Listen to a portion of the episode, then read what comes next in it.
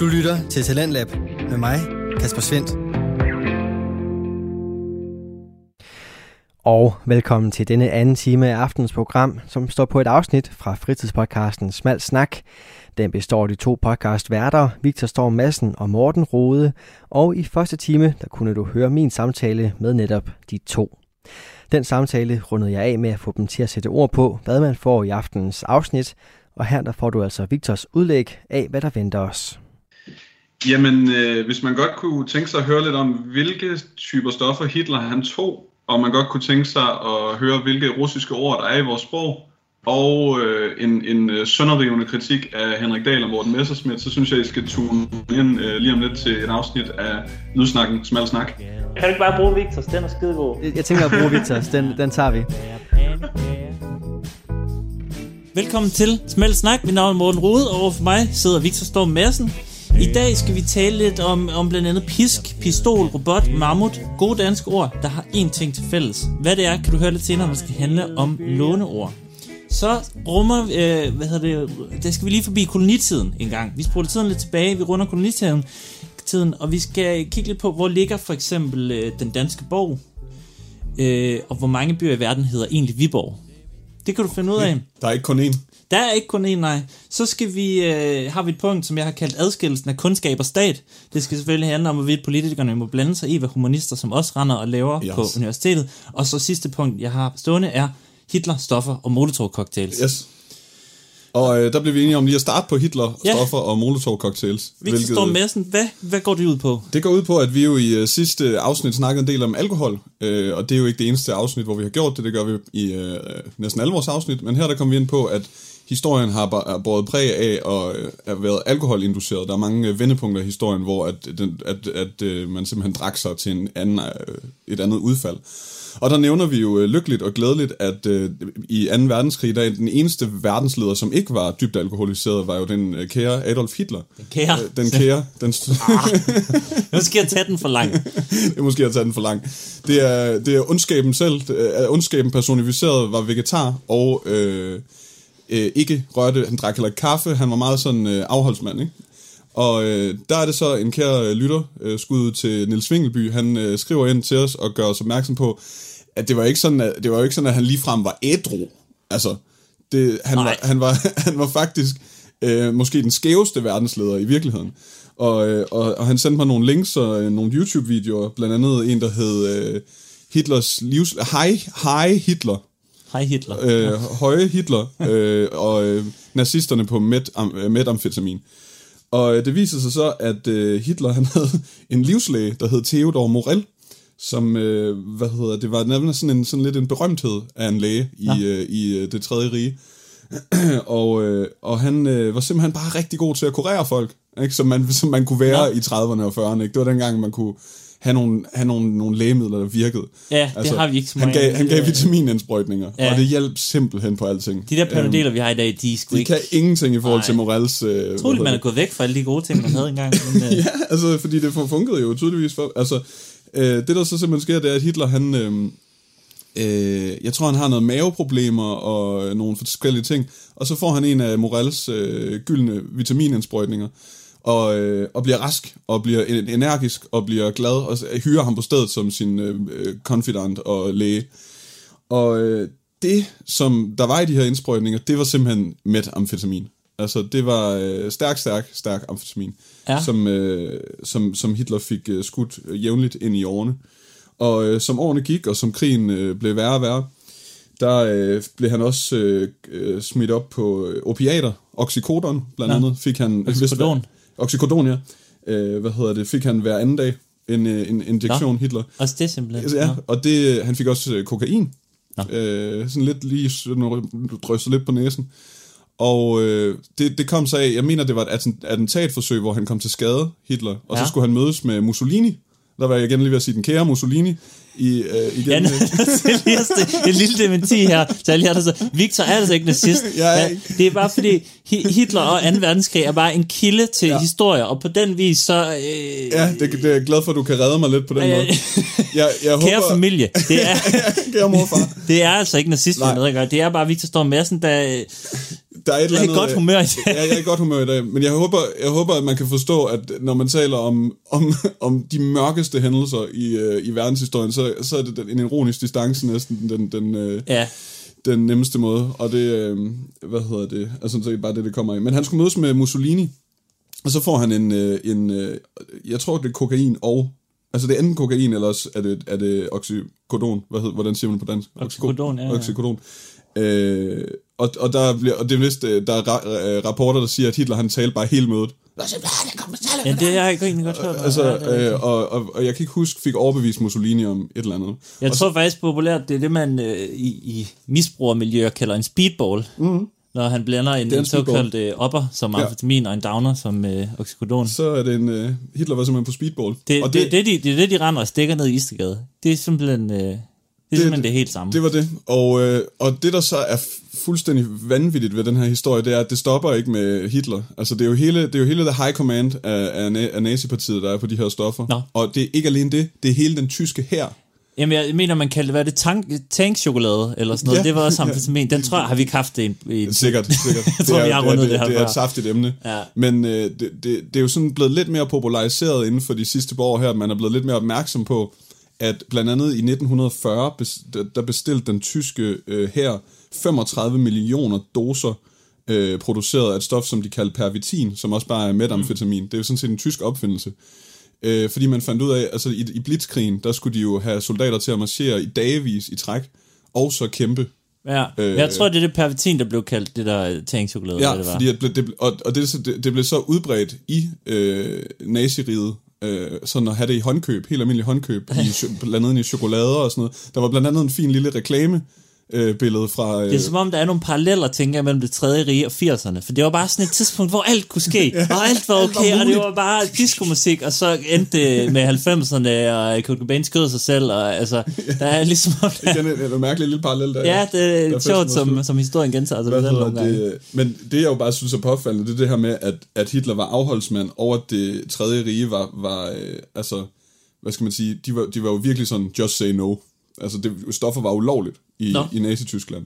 Og så på en eller anden måde, så er der sådan en ko- kognitiv dissonans. Hvad var, altså, det var opium og sådan noget, jeg eller ved hvad ikke, hvad det har indebåret. Altså, Nej. altså, fordi at det er jo så... Jeg er også overrasket over, at de siger kokain og øh, oxycodon og sådan Jeg vidste ikke, at alle de her ting var opfundet, men det var de jo det var de åbenbart i 40'erne. Og, men det hed jo noget andet på det tidspunkt. Ja, ja, det er klart. Og, og, og, var, Ja, det ved, medicament jo. Et Det medicament, det det var er en tabletter. Ja, tab- tabletter. Amfetamintabletter. Hostesaft. Ja, og det var jo bare hostesaft. Øhm, så øh, altså, de var... Øh, de, altså, den, den tyske her var simpelthen øh, hyped op på, øh, på øh, adskillige øh, forskellige stoffer. Så det var, det var en form for dementi fra et tidligere afsnit, hvor vi ja. Får det til at lyde, som om Hitler var ædrolig ja. Af, af natur. Ja. Ja. Det var han ikke. Det, det må man sige, det var han ikke. Og der Øh. skal vi jo så øh, runde en anden lille, ikke dementi, men en lille forklaring omkring øh, Molotov-cocktails ja. også. Fordi der er, det er også Nils og så øh, anden lytter, Andreas, der gør os opmærksom på, fordi vi siger derude, hvad, hvorfor hedder det egentlig Molotov-cocktail? Fordi når vi, det var på samme emne, når man snakker alkohol, kommer man let til at snakke om Rusland. Vi var Og så, inde på en russer, der hed Molotov. Og Molotov, det var så øh, sovjetisk udenrigsminister. Ja, lige præcis. Og så siger jeg, er det ham, der har opfundet Molotov-cocktailen, eller hvorfor hedder den det? Øh, det vidste jeg godt måske ikke var det bedste bud, men øh, det viser sig så, at det er en finsk opfindelse. Og det er faktisk meget, øh, øh, det er igen den ironiske distance i mørke Ja. situationer. Det, det kommer så simpelthen af, at Molotov, øh, Molotov han har øh, udsendt propagandabeskeder øh, over radioen, sovjetisk radio, som sagde, at de der bombefly, som fløj ind over Finland og øh, smadrede i stykker, det var faktisk humanitær hjælp, og de sendte øh, mad til Finland. Det var, Mm. det var der, de skulle hen, alle de fly. Og øh, der har finnerne så på et tidspunkt øh, opfundet Molotov-cocktailen, altså øh, en flaske, der springer luft med benzin og en klud øh, i, til at bekæmpe sovjetiske tanks. Og så har de kaldt det en Molotov-cocktail, fordi så her har I så en cocktails til jeres lækre madvarer. og så smid, altså, øh, smidt dem på øh, de sovjetiske tanks. Så det er sådan en lille, en lille vittighed, en lille vits. Rettet mod udenrigsministeren så. Ja, fordi, Molotov. at, præcis, fordi her, ah, her kommer de med, med deres Ja, mad. ja. Tag en cocktail. Den finske øh, historie er jo meget interessant omkring 2. verdenskrig. Det kunne man også godt gå ind i på et tidspunkt. De havde jo både øh, noget borgerkrig øh, og første verdenskrig var der en masse bøvl. De slog russerne i den der vinterkrig i 1940, og altså det er helt en, det er også en guldgruppe. Ja, de, altså de, øh, de, de var i det hele taget en del sejere, end, end Danmark var. Og Ja, men det er også masse bøvl, for så er der også nogen, der mener, at Mannerheim, deres øh, hvad hedder det, minister, øh, statsminister, eller hvad han nu var, om var han fascist, mm. så videre, så videre. Var der koncentrationslejre for kommunister i Finland? De siger nogen, andre siger, ja, de var lige gode om det alle sammen. Det er en masse bøvl i Finland. Jeg tror også lidt, det er stadig lidt et åbent sår hele deres historie, fordi at de simpelthen slog hinanden ihjel i, øh, mm. i tusindvis. Lad os nu holde os til tåbet, tåbelige tomhjernet romantiserende, og så sige, det er en lille nation, det er David og Goliat. De slog øh, Rusland. tak til Finland for at, at være øh, fucking seje, og gå med kniv, og gå i sauna, og øh, slås med russerne. De virker meget fede, ja. Ja, de er meget og de er jo sgu søde der mod øh, Christian Eriksen. Vi sidder jo her og laver podcasten efter den famøse kamp, hvor øh, EM-kamp, Danmarks ja. debut øh, i EM 2020, som det hedder, fordi det er udskudt for sidste år, hvor Mhm. mm-hmm. Christian Eriksen jo falder om og får et hjertestop. Stakkels mand. En stolt søn af middelfart, ligesom os. Ja, Øh, men han, han, er, han er i bedring, stabiliseret, han er i bedring. overlever. Men det var altså Finland, der, øh, der var nogle, nogle, nogle gode fyre under 2. verdenskrig og gode fyre under EM her for nylig. Yes. Og de var gode fyre under 2. verdenskrig, fordi at øh, de, altså, den russiske bjørn kom, og de sagde, nej, kan I- kan I pisse af? Ja. Det gider vi ikke, så er det bare ud. Men så kommer man jo til at tænke på, Rusland, hvad har de egentlig givet os? Fordi man ser dem tit lidt som en modstander. Vi er jo en del af den vestlige verden, som vi kalder os, og de er ligesom USSR, Sovjet, Ja. ja. kommunisme. Østblok. Østblokken, alt det der. De er i krig med Ukraine, Ukraine, de krænker gang på gang vores luftrum. Og så er der faktisk i øjeblikket spekulationer om, hvorvidt øh, det er den russiske efterretningstjeneste GRU, der har stået bag en række bombeeksplosioner på tjekkiske og bulgarske våbenfabrikker de sidste 10 år. Det er faktisk en ret stor sag, men fordi det ikke helt er bevist, så er det sådan lidt... Men det er jo ret alvorligt, kan man sige. Det er ikke det, det skal handle om, men det skal handle om, at Rusland, vi kan ikke så godt lide dem, og der er noget bøvl. Så er der godt, ja ja, okay, de befriede os fra Nazi-Tyskland, men udover det, så har vi lidt svært ved dem. Men hvad har de så givet os sprogligt, mm. har jeg tænkt. Derfor så skal vi ind på øh, indlån. Og indlån, det er jo øh, for det meste ord, som er ligesom opstået i et andet sprog, og kon- blevet konventionaliseret i et andet sprog, og som vi så taget ind, har taget ind i vores danske ordforråd. Og lad os lige starte lidt mm-hmm. overordnet. Ja. Der findes fire forskellige, det skriver sproget.dk i hvert fald. Øhm, der er det direkte lån, hvor man tager stort set den samme form, øhm, som sådan noget som hacker, og tager det ind i det danske sprog. Så det opstår på engelsk, de bruger det på en måde, og vi siger, det lyder meget fedt det ord, den tager vi. Så er det betydningslån, og det er, når det er nogle ord, som vi i forvejen har, øh, som får en ny betydning, på grund af den måde, den betydning, de har på andre sprog. Øh, for eksempel, øh, faktisk, så, så tror jeg, der er mange, der er begyndt at sige, øh, at man, vi er nødt til at være konsistente omkring det her. Mm-hmm. Men det jo faktisk ikke rigtigt. Det er det, man siger på engelsk, at man skal være consistent. Ja. På dansk hedder det jo, konsekvent. eller har konsekvent, Ja. lige præcis. Det er altså sådan en betydningslån. Det har vi også sagt på tidligere podcast. Vær konsistent. Ja, lige Og præcis. det, det, det, ja.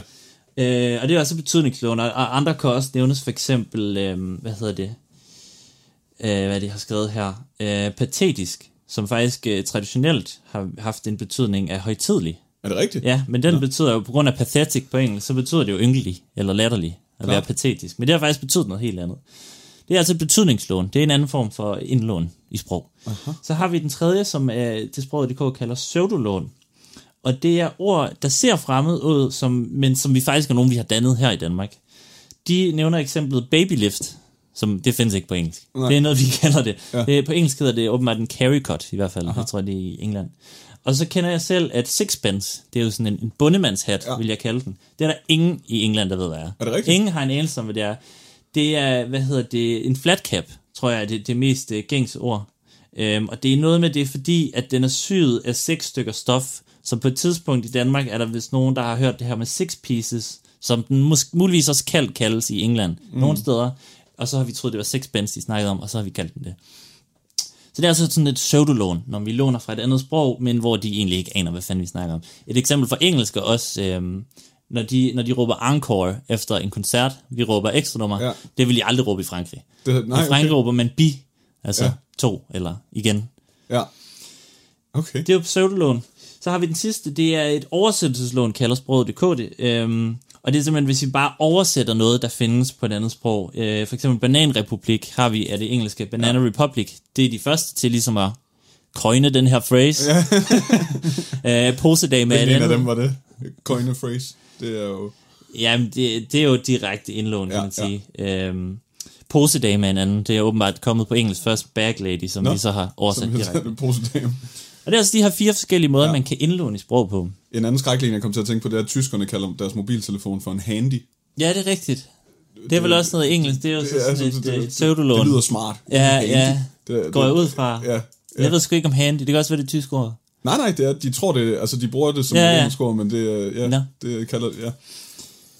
Hvis vi så kigger lidt på, øh, hvem har vi lånt mest fra i dansk? Fordi dansk, der er jo tit masser af diskussioner nu til dag, som, ah, der er for meget engelsk i sproget, bla bla bla. Traditionelt har vi jo lånt rigtig, rigtig meget fra tysk. Faktisk så meget, at der er nogen, der mener, at vi er helt op mod øh, en 16-17 procent af vores sprog er ja indlånt sådan fra... set er tysk, ja, tyske ord. hver sjette ord, Ja. kan man sige. Ja. Øh, Var det ikke det, Knud Romer belærte dig om på et tidspunkt, da du interviewede jo, jo, jo. Øh, skøn situation, meget lille lokale. Jeg stiller Knud Rummer et spørgsmål, og får jo kraftet med 20 minutter. Og på et tidspunkt prøver jeg at bryde ind og spørge, det er for mit arbejde, jeg er i gang med at interviewe Knud Rummer. Og så prøver sådan at sige, nå, men må jeg så... Og så siger han kraftigt til mig, ej, lad mig lige tale færdig. Nu, nu, jeg lige Han skulle lige have det 10 her. minutter mere til Men jeg, jeg hørte noget, du spillede det for mig engang, det var jo guld. Altså, det var, Ja, men skønt, mand, ja. ja. Øhm, men Knud Rummer, ja, han går meget op i det her med, at vi er lånt for tysk. Ja, ja. Det har vi gjort rigtig meget, i hvert fald fra, fra 1200-tallet. Der har det været meget det, man kalder nedertysk. Ja. Øhm, og det er jo sådan, øh, Nordtyskland, der har jo været meget dialekt tidligere, men altså, Nordtyskland, noget af nuværende Vestpolen, og til dels også nederlandsk, altså hollandsk. Der har vi lånt rigtig meget fra de forskellige dialekter, og det sprog, der er blevet talt her. Også for eksempel frisisk, som jo er lige syd for grænsen der. Mm-hmm. Øhm, der har vi sådan nogle ting som borger og borgmester, bürgermeister, som ah. så smukt. Øh, købmand og handel, er sådan noget, Ja, vi har for Kaufmann. Øh, og det er jo så, altså, hvad hedder det, øhm, det går så lidt op og bliver det, vi i stedet for kalder højtysk lidt senere. Øhm, det breder sig lidt sydfra øh, og bliver et magtsprog, og det har vi øh, primært efter faktisk protestantismen, hvor Luther han slår de her 12 teser op øhm, i 1517, tror jeg det er. Øhm, og der begynder vi så at kigge meget mod højtysk, og vi får en oversættelse af Bibelen, som er inspireret meget af den højtyske øh, oversættelse. Øhm, og der begynder det så at være, være den her form for mm. tyske dialekt, vi tager en masse indlån fra. Senere bliver det fransk, der er det først aristokratiet, senere borgerskabet, vi låner en masse ord fra. Mm. Øhm, vi gør det stadig inden for det akademiske felt. Man kan jo kraftigt ikke læse en akademisk tekst, uden der står par excellence og Nej, nej, nej. vis-à-vis, og jeg ved fandme ikke. Der er også nogen, der er så, så træls, at de, bare, at de sætter franske citater ind, som om man bare kan Ja, ja, læse som om vi alle forstår det. Ja, ja. Men det er sjovt, for det er sådan noget, øh, at det, aristokratiet gjorde det, at så blev det fint, at vi Ja. kiggede mod, øh, og senere borgerskabet også, efter der ligesom var øh, lidt nogle mere borgerlige tanker i Danmark med, Ja. at det ikke skulle være så klasse en del. Så borgerskabet synes også, fransk var mega fedt. Ja. Men det er selvfølgelig også, fordi vi har en masse historier, de havde noget revolution, Ja, ja, og de ja. havde noget... Ja, ja, der med Solkongen, og da det var på sit højeste, der var der jo ikke noget, der var finere end at være fransk. Nej, altså, der var nærmest præcis. hele kultureliten i Europa var, var samlet ved, ved kongens hof. Ja, I, ja. Hvad nu, den hedder? Er det den, hans store... øh, Versailles? Ja, Versailles. Altså sådan, at, at, at man skulle skrive på fransk, hvis man skulle Ja, være ja. fin. Og, altså, Ja. det, det, det, det, er det, der stadig hænger lidt ved, ikke? Med franske vine og... Fra, altså, tænker, Ja, alt, alt, ja. der er fransk, det, føl, det, det smager sådan af at det er fint af en eller anden, og sproget, Jamen, det, det har vi sådan en ja. kognitiv... Altså, Alle synes, det er smukt og øh, sexet. Ja, og, ja, alle synes, det, det er lækkert, især dem selv. Ja, det gør de også nemlig. Fordi det er netop som du siger, vi har jo masser af køkken, øh, haute cuisine, Ja. ja. øh, altså det franske køkkens fine madlavning, der har vi jo masser, vi har indlånt. Og så har vi faktisk også øh, indlånt en masse ord omkring sådan skønhed. Altså beauty kommer jo godt nok via engelsk. Men gennem fransk. Og derudover så er der manicure og pedicure fra latin, men igen gennem fransk Ja. ja. til dansk. Barbere, frisere. Og det er utroligt, at et så beskidt folkefærd ligesom kan give os så meget skønhedslingo. Ja, ja. Det er jo lidt, det er lidt spøjst. Men jeg havde da også, jeg havde en hel liste med det på vores sidste podcast, med ja. Alt fra altså, øh, kontor, øh, patienter. Øh, Ja. Altså, der var sådan, der, altså, det var sådan 100 år, de første 100 år, man bruger hver dag, som er fransk. Ja, ja, ja. ja. Så er det jo så, vi er nået til lidt senere i historien, så er det jo altså meget engelsk, vi låner fra. Ja. Mange tror, at det er, det er kun af 2. verdenskrig, men det er simpelthen allerede fra starten af 1900. Der Okay. kommer der en masse ind. Det bliver klart, det eskalerer efter 2. verdenskrig, hvor de Ja. vores befrier Hvor de ligesom og Marshall og jeg ved ikke hvad. Ja. Du lytter til Radio 4. Du er skruet ind på programmet Talents Lab, hvor jeg, Kasper Svens, i aften kan præsentere dig for en enkel dansk fritidspodcast. Det er Smal Snak med Morten Rode og Victor Storm Madsen, som jeg i aftenens første time tog mig en god snak med. Men her er det altså deres seneste episode, og den vender vi tilbage til lige nu. Vi låner altså fra andre sprog mm-hmm. på dansk. Det tror jeg alle sammen godt, vi vidste. Ja, ja. Men det er altså for de her sprog, vi har lånt. Og så kan man snakke om, hvad afgør så, hvad vi låner fra. Og det er jo så det, vi har lidt været inde på allerede.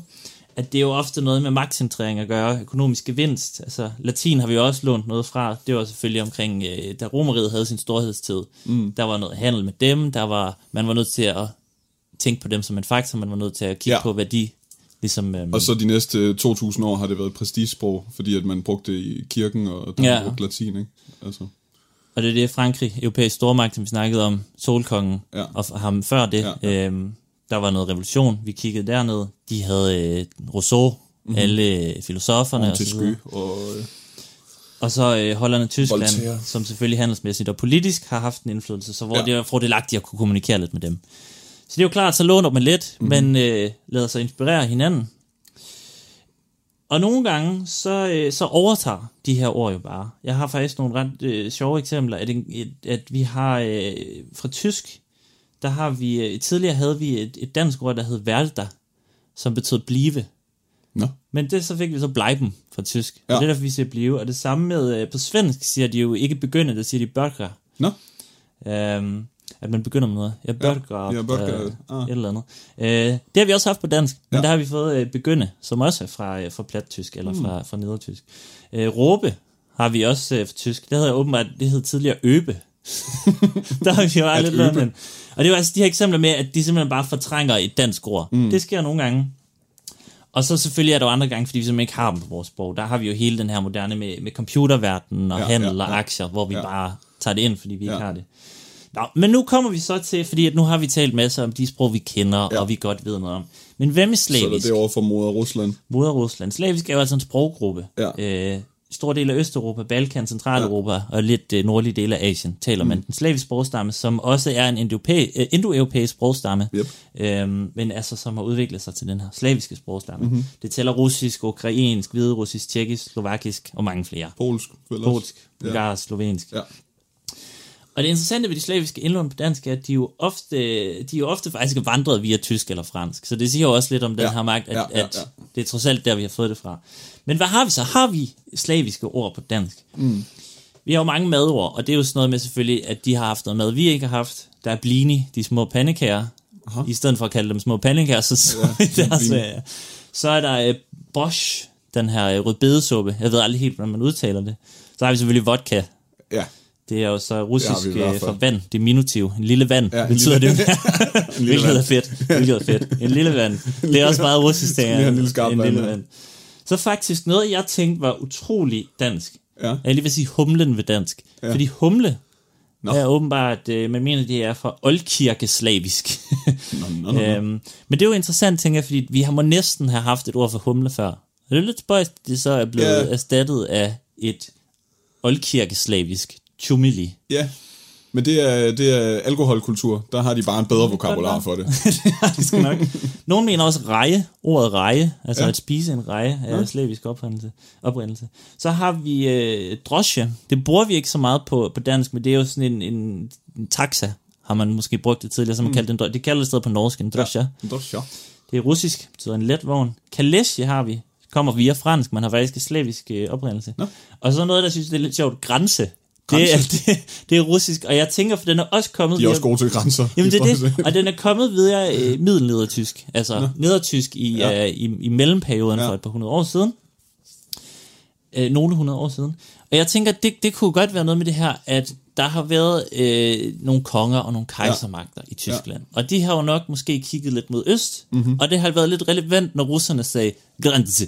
Ja. At det, så ved de, her skal vi nok passe Ja, lidt på, og så ja. skal vi lige have lidt ekstra militær med, hvis vi skal over det her, Ja, ja. de kalder grænsen. Grænsen. og så har de taget det ind i sproget, og det er Ja. så vandret til dansk, tænker jeg. Kunne man Jeg, mener også, jeg hørte en sige på et tidspunkt, at øh, ordet for sikkerhed på, på russisk, det er bare ma- fraværet af fare. Nå det er ja, ufare. ja, ja, det er Altså. rigtigt, ja.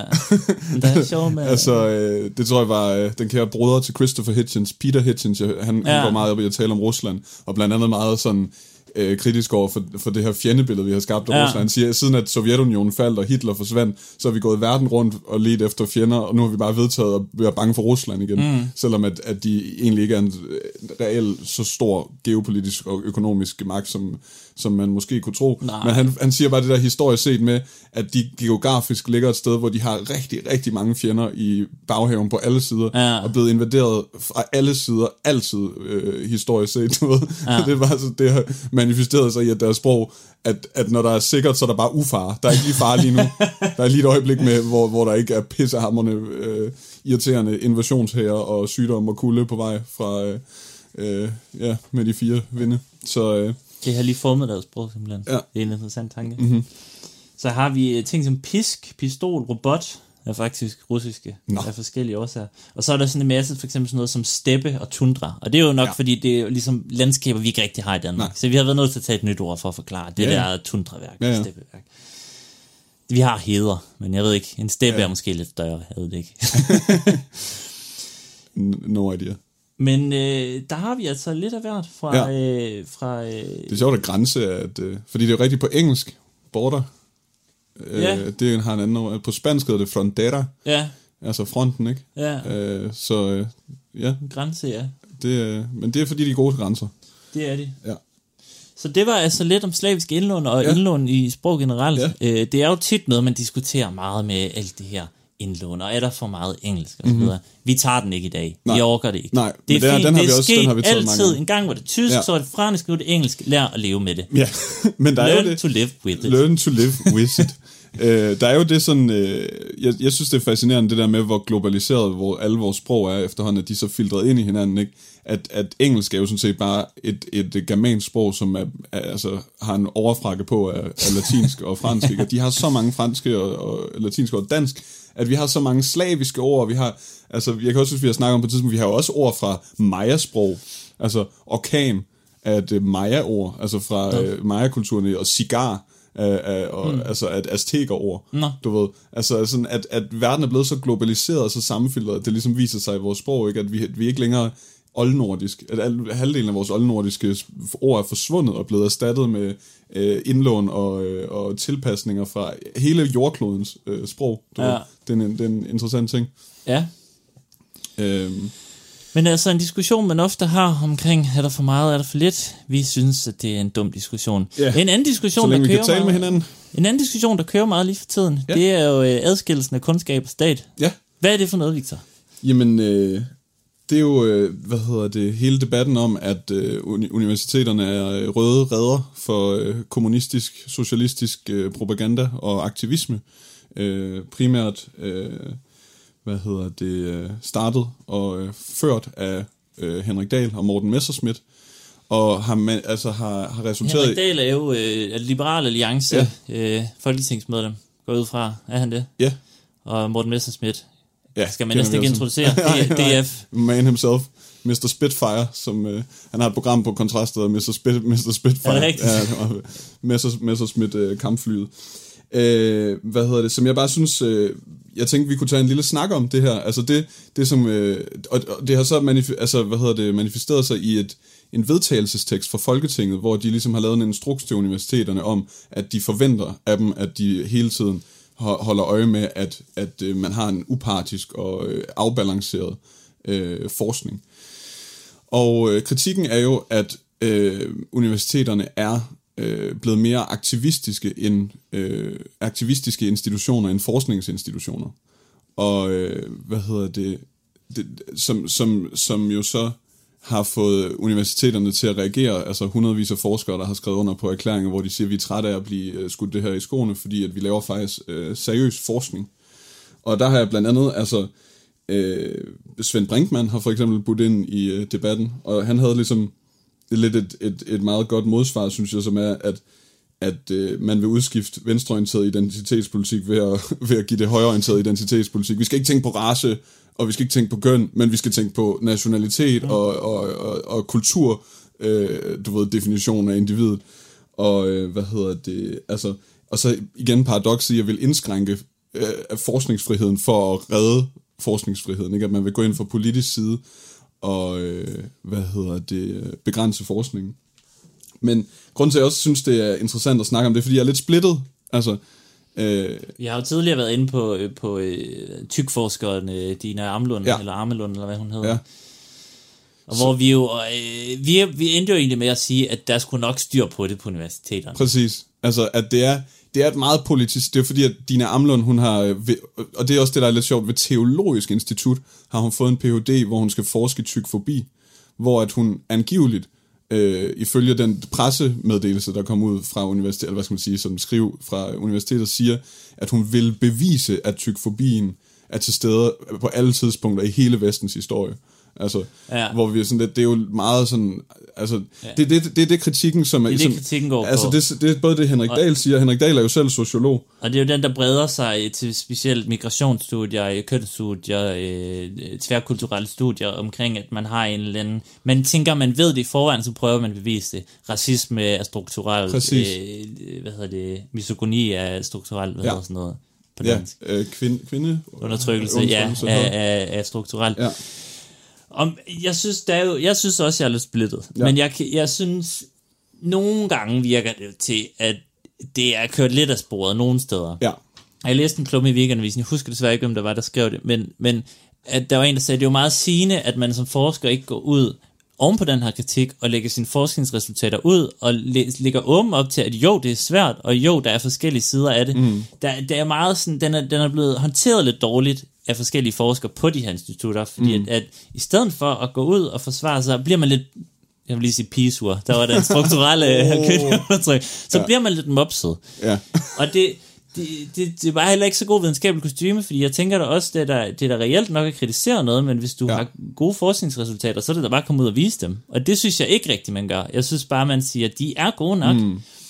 Men det er jo, det er jo igen øh, mange facetteret, ikke? fordi det er der også nogle af dem, der gør. Der, yeah. der er jo nogle forskere, jeg læste en artikel på videnskab.dk af en Lea og Joshua Skews, tror jeg de hedder, fra øh, Aarhus Universitet, som ligesom videnskabeligt svarede på Henrik Stahls kritik af en af deres ja. artikler. Altså, og, og, og det var jo, øh, jeg mener, det var en undersøgelse, som undersøgte, øh, om, man er, om folk er, hvad hedder det, ja, øh, kvindeundertrykkende, eller, eller har, har øh, hvad hedder det, kønsdiskriminerende holdninger. Ja. Og det var netop igen den samme kritik, at man antager i artiklen, at vi lever i et, i et øh, altså kønsdiskriminerende samfund. Ja. Og så spørger man ud fra det, og har ligesom designet hele, øh, ja. hvad hedder det, øh, undersøgelsen ud fra det. Altså, og der siger de bare, baseret på visse sådan, øh, internationale organisationers vurderinger af, at der faktisk er store kønsmæssige mm. forskelle, så synes de, det er rimeligt at, at, at drage den konklusion. Og sådan. Så det er, der bliver det en meget sådan teknisk videnskabelig yeah, diskussion, yeah. og det er jo det, jeg synes er sundt. Altså, det, yeah, det, det, det, det er meget ikke, godt.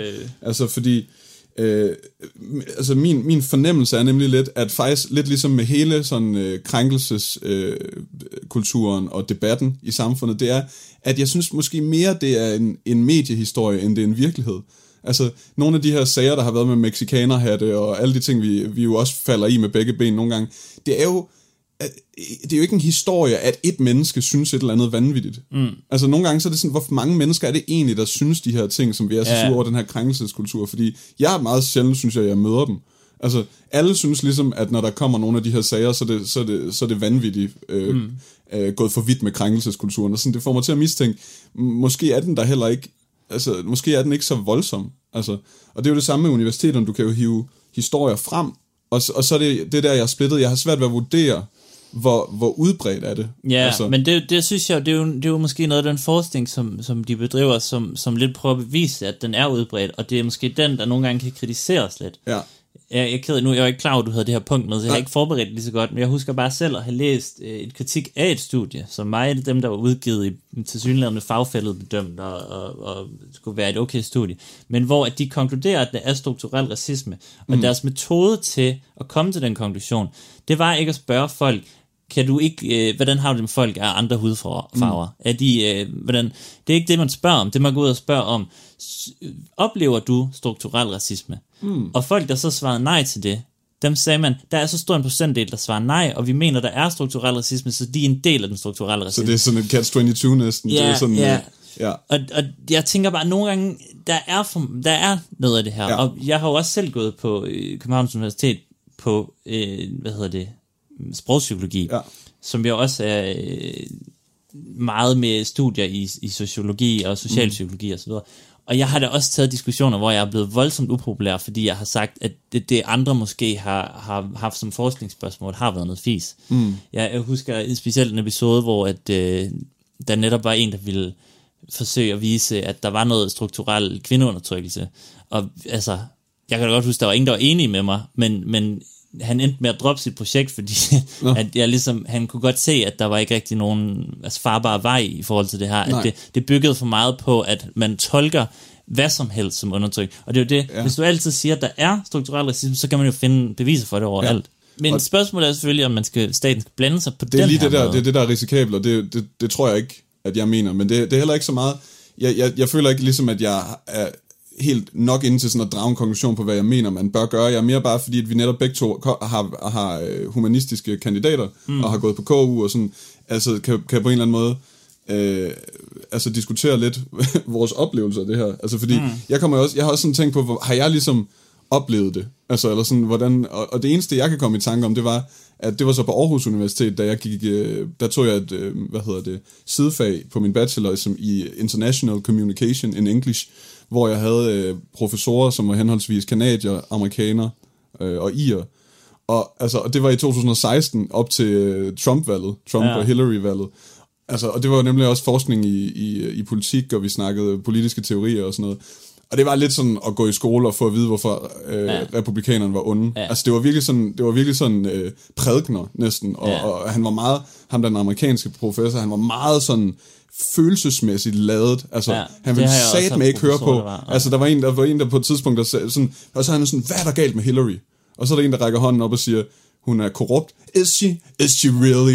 Du ved, hvor, jeg, hvor jeg har sådan lidt, man kan godt mærke, der er en lidt anden tradition der. Sådan, det, det, Ja, det, ja. det, er i mit hoved ikke sådan, man er forelæser og, og, Nej. og forsker. Nej. Altså, det, er jo- det, er jo, det, er jo, det er jo, man skal jo ligesom ikke så vidt muligt tilkendegive så kraftig kulør i min verden. Altså, altså som, som underviser skal man jo netop præsentere folk Ja, ja, for problemer og, og, og, og vise dem, hvordan man arbejder kritisk med, med Ja. idéer og tanker, i stedet for bare at prakke dem en, en, en øh, præpakket idé på. Altså, Ja. det, det ved jeg ikke. Du lytter til Talentlab med mig, Kasper Svendt. Vi er i gang med aftenens eneste podcast afsnit her i Talent Lab, programmet på Radio 4, som giver dig mulighed for at høre nogle af Danmarks bedste fritidspodcasts. En af dem er Smalsnak, som består af sprognørderne Victor Storm Madsen og Morten Rode. Deres seneste afsnit vender vi tilbage til her, hvor den står på en snak om, hvor meget politik egentlig skal have af indflydelse på forskningen. jeg synes også er interessant, det er jo, at, at det er jo en helt, altså det er jo sådan en reel, øh, det er et reelt paradigmeskift i akademisk tænkning, altså som stammer fra Frankfurterskolen og, og kritisk teori, altså som, som startede i, i 30'erne i Tyskland, øh, og som ligesom har udviklet sig i mange retninger, især i sociologi og mange ting med Habermas, og nemlig altså sådan politisk øh, tænkning og sådan, hvor at den nye tanke var, og det er ligesom øh, funderet i marxistisk teori, at man skal ændre samfundet. Altså, man skal ikke længere kun undersøge mm. det, man skal ændre samfundet. Ja. Og det, det, det, er den, det er egentlig den grundtanke, jeg tror, der ligger under meget det her, at, det, at, op, at universiteterne oplever det som deres rolle at, øh, at være aktivister. Og, og der er det, jeg kommer lidt frem til, at jeg synes, at, at et moralsk kodex og et ønske om at, at ændre verden skulle ligesom være øh, en del, et aspekt af, af ens virke som forsker, men jeg synes ikke, det skal være det første. Nej. Altså, jeg synes mere, man skal, man skal netop være forsker, hvilket betyder at være undersøgende, Ja, i stedet for ændrende, som, som udgangspunkt. Ja Altså. men du har fuldstændig ret. Det er i hvert fald min tanke. Altså, og e- endnu et eksempel, jeg bare lige uh, researchet lidt, det var den her Ole Væver-sag, øh, som, øh, jeg kan ikke huske, det nogle måneder siden, tror jeg, det, det, der blev snakket om det, at øh, han jo er en, er en meget internationalt kendt forsker for Københavns Universitet. Han forsker i international politik, Ole Væver, han øh, har siden 80'erne sådan, øh, hvad hedder det, haft sit virke, og øh, han er blandt andet kendt for et øh, begreb, der hedder sikkerhedsliggørelse, som man bruger i hele verden på universiteter, og øh, det er noget, der hedder Københavnerskolen, så han er ligesom sådan virkelig en, en mastodont.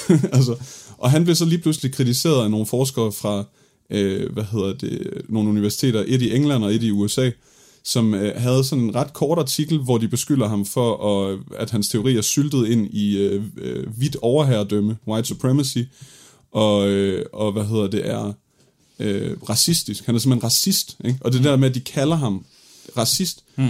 og, og han var meget sådan øh, chokeret over det, fordi det, det, det der med, sådan nogle, sådan nogle øh, labels, de hænger fast, ikke? Det, det er Jamen, sådan, jeg tænker, det er jo en injuriesag, det der. Præcis. Og, og når man så læser om altså, den her artikel, så er det jo sådan, de har fejlciteret ham. Mm. Altså, de citerer ham for ting, han simpelthen ikke har sagt. De citerer ham, hvor han citerer nogle andre. Ja. Og så overser de altså 80% af det, han nogensinde har sagt, og Ja. hele hans teori, og, og, og misrepræsenterer ham. Og det er det, der sådan er... Altså sådan, det slipper ligesom igennem peer review og alting, og bliver Ja. bare udgivet, og så får lov til nemlig at ignorere ham helt vildt. Ja. Altså, altså ligesom give ham det her på, på nakken, hvor det... Er det virkelig forskning, eller er det mere bare, at I skal udgives ved at, ved at tage nogen ned? Ja, Altså, ja. Men igen, det er det der, med, så er det en sag. Altså, så er der en sag der, Ja, en sag der. Men jeg, jeg, jeg ved ikke, om jeg synes, at det er på den måde et, øh, et problem, der er så gigantisk, at vi skal have Messerschmidt og Dahl til at redde øh, kastanjerne ud af ilden. Nej, jeg, jeg ved sgu heller ikke, hvad jeg synes. Jeg ved, en sjov sideanekdote er jo, at Henrik Dahl tidligere var venstreorienteret, mm. og han bliver læst på venstreorient- såkaldte venstreorienterede studier, så som, øh, så som mit eget sprogpsykologi, ja. der læser man, han har udgivet øh, øh, en bog, der hedder Hvis din nabo var en bil, Ja. som blev meget populær, da den udkom i, jeg tror det var 90'erne, muligvis 80'erne, Ja. som handler om lidt omkring, hvordan ja, så vidt jeg husker, hvordan at, at, at folk ser, altså man inddeler meget folk i forskellige mm. øh, grupper, og det er det der, hvilket segment læser de her aviser, hvilket segment køber de her ting, og så videre.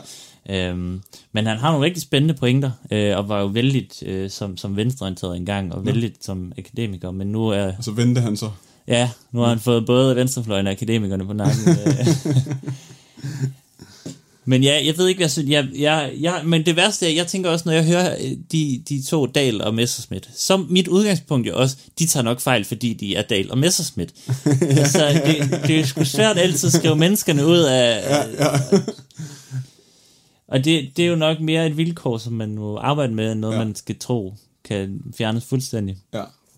Så måske, at nogle gange er debatten, mås- oh, nogle gange er debatten måske bare det, der er godt. Så er det måske meget det, godt, det, at det, de... det, tilstrækkeligt netop at have debatten. Ja, ja, ja, ja. Så jeg tænker også ikke mere lovgivning, og Ikke, ikke øh, mere... og ikke mere, øh, og, lad være, og ikke med flere politikers direkte kommentarer på specifikke forskere og specifikke resultater. Nej, det er måske lige... Øh, måske lige at det, var der, det var der også en anden klub med at læse, hvor der var en, der meget, meget fint post, eller hvad hedder det, øh, ligesom frem, fremlagde, at, at når man når man ikke er uddannet som noget, så skal man måske ikke gå ud og kommentere med største selvsikkerhed Nej, på, på- hvad, altså, på jeg, kan jo jeg kan jo ikke gå ud og, og, og kommentere, hvad en ingeniør finder frem til. Nej, det ville være dumt. Det ville være dumt. Og ligeledes øh, den jurauddannede øh, Morten Messerschmidt, Ja. den, øh, hvad er det, sociologi? Ja, sociolog, uddannet, ja. kan måske ikke øh, kommentere på hvad som helst Nej. uden for deres felter. Nej.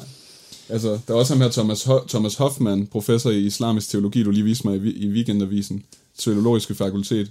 Han har også en, øh, ja, en kommentar, som Ja. ja. er, han siger, at han, han, har aldrig oplevet øh, chikane fra nogen hold andet end fra andre forskere. Mm. Det er hans aspekt. Han siger, at vi er meget grove ved hinanden Ja, i ja. forskermiljøerne. Men det, det var også en god pointe, at der er jo ingen steder, de er enige. Altså, Nej, nej, nej. Så det der med at sige, at de her studier, de finder altid frem, det er ikke altid rigtigt, fordi Nej. der er øh, De er også i, øh, i, Tottenham i krig med hinanden. Ja. Så øh, lad, lad den gode samtale, øh, den gode snak fortsætte. ja, lad os sige det. Det er Ja. ja. fedt diskussion. Ja, ja præcis. Jamen, øh, så skal vi jo sådan set øh, et helt andet sted hen i verden. Ja. Vi skal faktisk mange steder hen i verden. Vi skal øh, kigge lidt på, historisk, hvad vi har pillet ved rundt omkring i verden. Ja. Hvor vi har haft en finger med spillet, hvor man ligesom Hvor vi har stadig... krænket luftrum. Ja, hvor vi har krænket luftrum, ja. Det, hvis det, det skal handle om, det er jo øh, danske stednavne i verden. Det er jo Ja. fordi, at vi har jo været, både været en kolonimagt, vi har tidligere i historien været øh, i form af både viking og, og, og senere danske konger, der har været ude at pille forskellige steder i, øh, i både Baltikum og øh, i England og forskellige steder. Lige Og det udtryk. Vi er ude at pille lidt Ja. i, i Indien og i... Øh, Der, ja. der er blevet krænket lidt luftrum, ja, det er fuldstændig ja. rigtigt. Øh, det var fordi, jeg faldt simpelthen over, Tallinn har øh, øh, Estlands hovedstad. Der er lidt, Nå ja, øh, selvfølgelig, der er ja, lidt danske aner der. Det kommer vi til. okay. Men jeg tænker, vi starter, vi starter tidlig i historien. Så i England har man jo hørt om, har man set den her historien om Danmark, så mm-hmm. vil man jo vide, at der i England stadig er øh, forskellige, øh, hvad skal man sige, øh, efterladenskaber fra, fra, fra da vi vikinger, vi, os, Os. os. vikingerne, øh, var på besøg over et par gange. Øh, der er jo selvfølgelig det her med, at øh, det, det er det i årene fra 800 til, til øh, 1066, hvor Wilhelm Erobreren, øh, det møgsvin, smed os endegyldigt ud fra England. Men det er altså det her tidspunkt, vi snakker om, hvor at vi som vikinger sejlede meget over mm-hmm. til England. Og det gør så, at på engelsk har man de her oldnordiske indlån, som øh, window, ale, law, egg, knife. Det er sådan noget, der kommer fra dansk. Ja. Det kan man næsten høre. Det er de samme ord på dansk Yep. stadigvæk. Men så er det jo så altså det her med stednavnene. Og der er øh, for eksempel øh, Kirkby findes flere forskellige steder mm. I England. Der er i Liverpool blandt andet en mindre by udenfor Kirke, øh, Kirkby, som selvfølgelig ja. bare betyder kirkebrosættelse. Ja.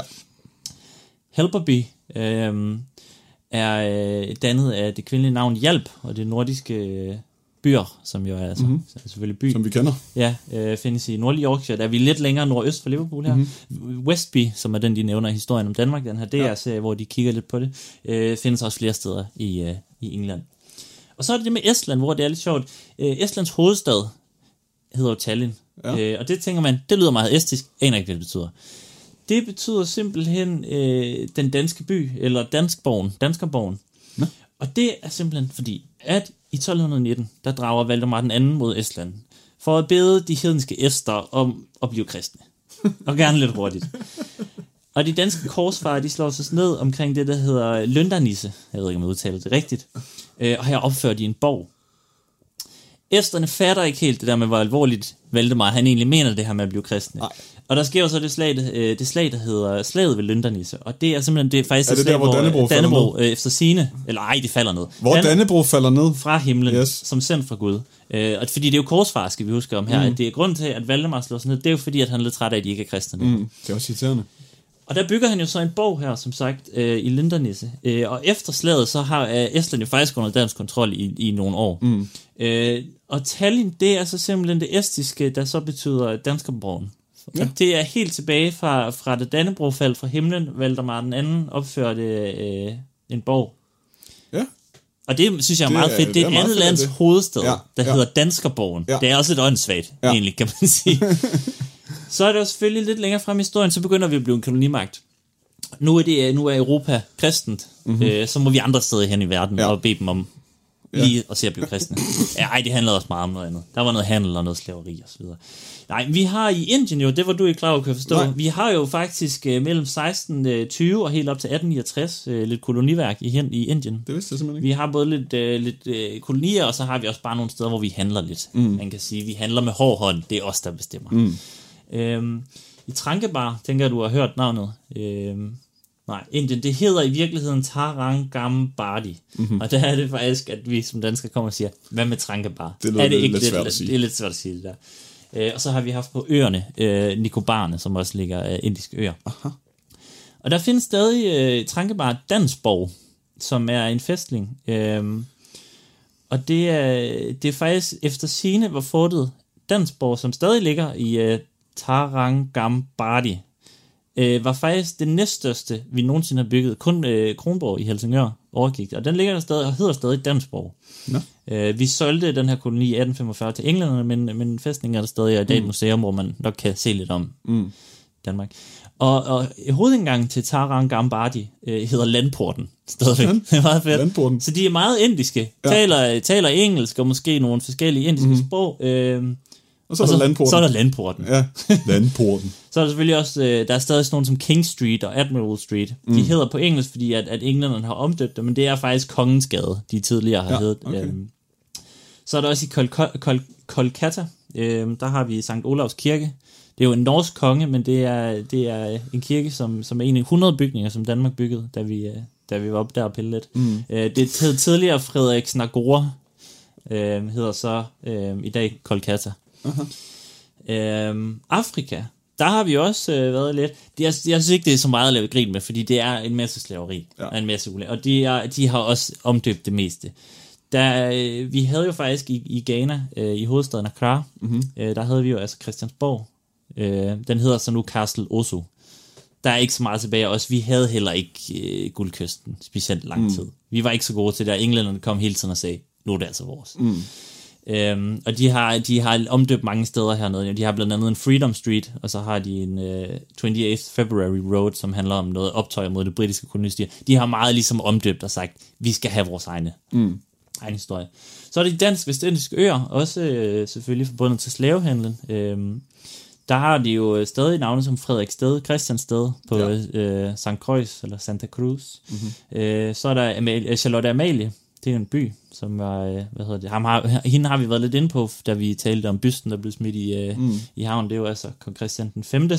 Noget andet god Kone. forskning, der bliver bedrevet, eller kunst, der bliver bedrevet. Ja. Øh, så er der også øh, Fort Christian, Dronningsgade, Mariendal, Solberg, men det hedder det simpelthen på St. Croix. Ja. Det er også lidt fedt.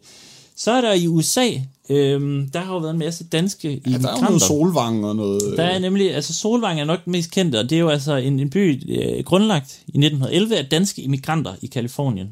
Og jeg har været der, det er et lækkert sted. Ja, jeg har også været sige, øh, Har du også været Ja. der? Nå, altså jeg synes, det er smukt, palmer, alt det der, men det er en, øh, latterligt, man ikke kan købe gammeldansk. Ja, det der er irriterende. Jeg fandt ikke gammeldansk nogen steder, og du må stadig ikke drikke på gaden, og jeg er bare sådan lidt, hvis I skal have den lille havfru, Ja. og kalde alting for alt muligt lort med Danmark, så skal jeg have lov til at være Så- stiv på gaden. Altså. Jeg tænker nogle gange på, at, at øh, altså, det at må drikke på gaden, det er sådan lidt danskernes second amendment. Jamen, det er det Der er samme følelser i mig, som jeg tror, en amerikaner har med, med at bære, fri, retten til at Jamen, bære det- våben. min- Du, kom, du tager ikke Nej, nej, min nej. fucking øh, altså gammeldansk og min, øh, min Carlsberg, som jeg gerne vil have lov til at bære i bæltet. Jeg husker min kære fader, da jeg tror, det var under en tur til New York, hvor at vi sad og fik frokost.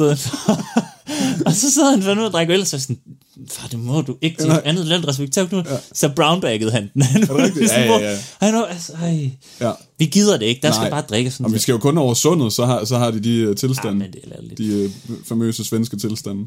Så er der også øh, andre steder i USA, der er faktisk Viborg. Ja, Det er, øh, der, der er er- kun der er- to Viborg, så vidt jeg forstår. Det er ikke, fordi der er så Der er mange. men Viborg der, i USA. Det findes på den jyske hede, og så findes det i South Dakota, hvor de danske immigranter fra 1860'erne slog sig ned, og der findes altså et, et Vi- Viborg, eller hvad man nu Viborg. siger nu til dags. Ja. Så er der også Dannebro. Dannebro. Mm-hmm. Det er en by i Nebraska. Nebraska. Så er der jo øh, Argentina, som ja, vi har der er også jo talt der Argentina øh, dansk, øh, dansk dernede. Ja, bliver der er talt. faktisk øh, ufattelig mange, der taler dansk stadig, øh, efterkommer af immigranter i Argentina. De har faktisk ikke sat så mange aftryk på selve stednavnene. Nå. De har til gengæld, hvis du er i den argentinske by, der hedder Tandil, uh-huh. som er en del af det her dansker-trekanten, som man faktisk kalder som tre byer, der- eller tre områder, eller inden for en, et område inden for en trekant, hvor der bor mange efterkommere af danskere. Så kan du gå ned øh, i Tandil af for eksempel Avenida Simon Bolivar, mm-hmm. og så kan du dreje til højre af Fugl. det er Avenida Simón de Bolívar. Y aquí tenemos fugl. Fugl. Jeg ved ikke, hvordan, hvordan fugl, hvordan man udtaler Ja, det. det, er jo- det, det, det er næsten ligesom de der franske ord, som ikke kan udtales, fordi at alle ord, det er så forkert på Ja. ja. spansk. F, F-ugel. F-ugel. Og det er altså det er en gade, der er opkaldt efter øh, Hans Fugl. Det er altså ja, fedt navn. Han fugl. Uh, han, han skifter navn til Juan Fugl, da. En fugl. Men han var altså, han, oh, han, er, han er ligesom, øh, han, han øh, startede nogle danske bosættelser her i Tandil, og han fik etableret noget landbrug, noget kirke og noget uddannelse osv. Jeg, jeg bliver nødt til at skrive mig bag øret. Juan Fugl. Juan det, det skal jeg Fugl, bruge ja. i en eller anden kontekst en dag i mit liv. Ja, det, det, Så det var altså primært faktisk, fordi jeg faldt over det her Juan med Tallinn, der simpelthen betyder Ja. øh, de danske sprog. Øh, men det er sgu mange steder, i, vi har været vidt omkring. det må man sige. Så det er jo godt at vide. Der er, lidt, der er lidt fugl og lidt Tallinn og lidt Viborg og lidt... Ja, øh, ja. Det er godt. Så det afrunder øh, danske stednavne Ja. i det hvide udland. Så det vil vi gerne afslutte med. Ja. Hvad, det, en, en, en, Vi, vi slutter med noget rigtig dansk. Ja, vi kigger lidt ind Nu når til vi taler det med- danske sprog, så skal vi have en, en gigant. Øh, Johannes Møllehave er jo afgået ved døden i sidste, sidste måned. Æret være hans minde. Æret være hans minde. Øh, og det er meget sjovt, fordi vi snakkede lige om ham det, før det sidste podcast, vi lavede. Øh, altså fordi at jeg lige havde en lille revival, opdagede ham igen. Øh, jeg har en af hans bøger derhjemme, som jeg synes er fremragende. Og så øh, snakkede vi om, vi skulle næsten have ham på podcastet, han lever endnu, og så, så døde han så øh, måneden efter. Øh, og han er bare en mand efter mit hjerte. Han elskede, han elskede livet, og han elskede sproget. Øh, så han er en rigtig øh, god karakter. Og så fandt jeg så øh, en video, øh, da jeg lige søgte lidt på ham på, øh, på YouTube, hvor at han bliver interviewet af Ekstrabladet. Og der er han måske, jeg tror det er nullerne på et tidspunkt, ældre herre. Og der har han simpelthen været i arresten hele natten, fordi at han har siddet inde på D'Angleterre i København sammen med det er sådan, en rektor fra, fra, øh, fra Lemvig Gymnasium eller sådan noget, og så har de været så fulde og så højlydt, at der er simpelthen blevet øh, ringet efter politiet. Og så Johannes Møller havde blevet smidt op af, af køleren på bilen og fået øh, håndjern på og smidt i arresten 18 år.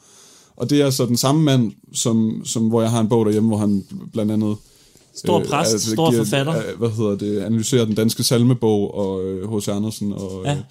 ja. øh, til, til, til, på et niveau, som jeg, øh, som jeg føler har lært mig meget. Så jeg vil lige sende en lille hyldest til Johannes Møllehave, den kære. Øh, hvil i fred. Længe leve. Og- Eller, øh, æret være. hans minde. Længe leve ideen Ja. om Johannes Mølle. Ingen lever hans, hans ånd. Øh, så øh, var det det for, for denne gang? Det var det i hvert fald. Ja. Radio 4 taler med Danmark. Således kom vi frem til afslutningen på aftenens program. En aften, der har stået i smal snaks tegn. Det er en dansk fritidspodcast med Morten Rode og Victor Storm Madsen. To podcastværter, som jeg i første time fik en god snak med. Og så fik du her i anden time det seneste afsnit fra Makkerparet. Du kan finde alle deres afsnit inde på din foretrukne podcast tjeneste, og så er Smalt Snak også at finde på de sociale medier, Instagram og Facebook. Du kan finde hele denne Talents Lab udsendelse og alle de tidligere inde på radio4.dk og i vores Radio 4 app, hvis du nu ikke fik det hele med. Mit navn er Kasper Svendt, og nu der er det tid til nattevagten her på kanalen. God fornøjelse og på genlyt.